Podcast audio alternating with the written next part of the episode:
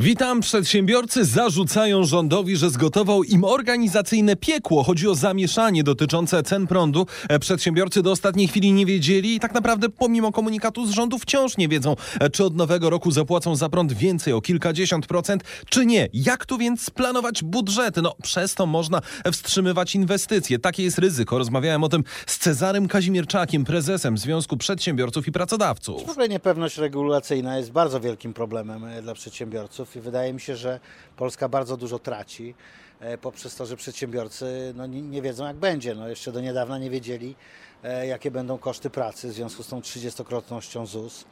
No, dowiedzieliśmy się to e, niespełna miesiąc przed, przed Nowym Rokiem. Nie wiedzieliśmy, co z 12 listopada wolnym do ostatniej chwili. No dokładnie i to jest bardzo poważny problem. Ja myślę, że polski rząd ma duży problem z polityką informacyjną i miałem taką zabawną sytuację ostatnio na spotkaniu z przedsiębiorcami e, gdzieś na Podlasiu, gdzie wstawali i krytykowali polski rząd za rzeczy, które on nie zrobił, tylko zapowiedział kiedyś. A oni to przyjmowali, że jest to zrealizowane.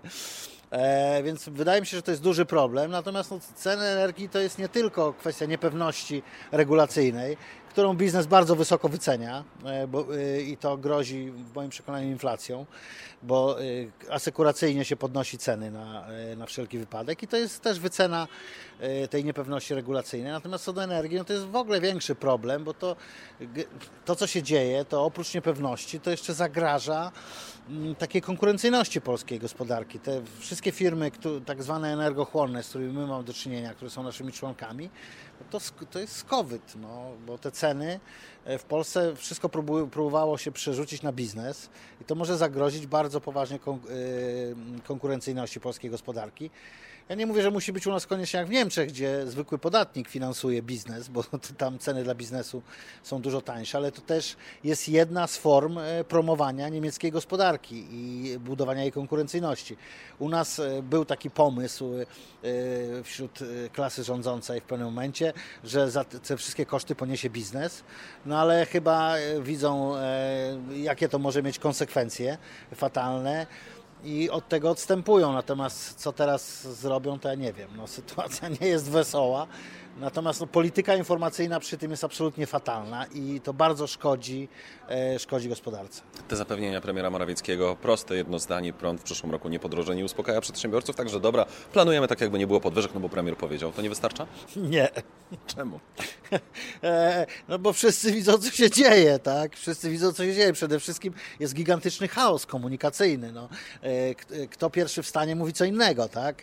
E, Więc e, w moim przekonaniu przy, przy tych rozwiązaniach związanych z energetyką, w które Polska się wmanewrowała e, w dużej mierze e, z własnej winy i za to i odpowiada i poprzedni rząd, i obecny, także jest tutaj ciągłość pełna zachowana. Bez podwyżek się nie obędzie no, i, i, i- cudów, cudów nie ma. No, póki jeszcze te pieniądze w, z, z emisji CO2 wpływają do polskiego budżetu, no to jeszcze można mówić tam realnie coś o tych rekompensatach czy jakoś tak, no ale potem jak to będzie już nie do nas płynęło, tylko do Brukseli, no to ja nie wiem co to będzie. Mamy w tej chwili, wiele firm dostało prognozy podwyżek na przyszły rok 30, 40, czasem 60%. Z drugiej strony mamy te zapowiedzi premiera i pozostałych teraz polityków, że nie będzie żadnych podwyżek, że znajdą jakiś sposób, żeby to wyzerować.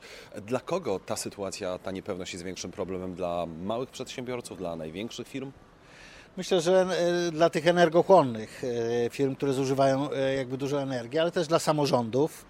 To jest też wielki problem, bo samorządy kupują bardzo dużo energii. A dla takiej małej firmy ktoś ma, nie wiem, sklep na 5 osób albo restaurację na 5 osób, tam też się zużywa prąd przez cały dzień. To jest problem czy nie? E, Je, nie, no jest oczywiście problem. No, to, to jest skalowalność tych problemów z tymi podwyżkami jest w ogóle olbrzymia. No, ci, co dostali podwyżki garażu ze 150 na 700, to też mają o czym Nie, tak, rozmawiać. Bo w małych firmach może być ten problem, że no, tam budżety często są napięte, tak? Tam No są tak, mniejsze możliwości to- operacyjne To przesuwania. są e, realne, realne podwyżki o, o, kilkanaście, kilkadziesiąt złotych dla takich malutkich firm. To nie stanowi problemu, no ale jak ktoś, nie ma wielką fabrykę, e, jeszcze taką bardzo energochłonną e, i e, pracuje na bardzo niskich marżach w jakichś bardzo konkurencyjnych przemysłach, no to dla niego każda tam podwyżka o 1-2% to już ma gigantyczne znaczenie i to będzie najbardziej biło w polski przemysł, ale też obniży bardzo naszą konkurencyjność jako miejsce dla inwestycji, no bo na to się wszystko patrzy, no patrzy się na koszty pracy, koszty budowy, podatki, ale również na koszty mediów, tak, czyli wody, energii elektrycznej itd. itd. To był Cezary Kaźmierczak, prezes Związku Przedsiębiorców i Pracodawców.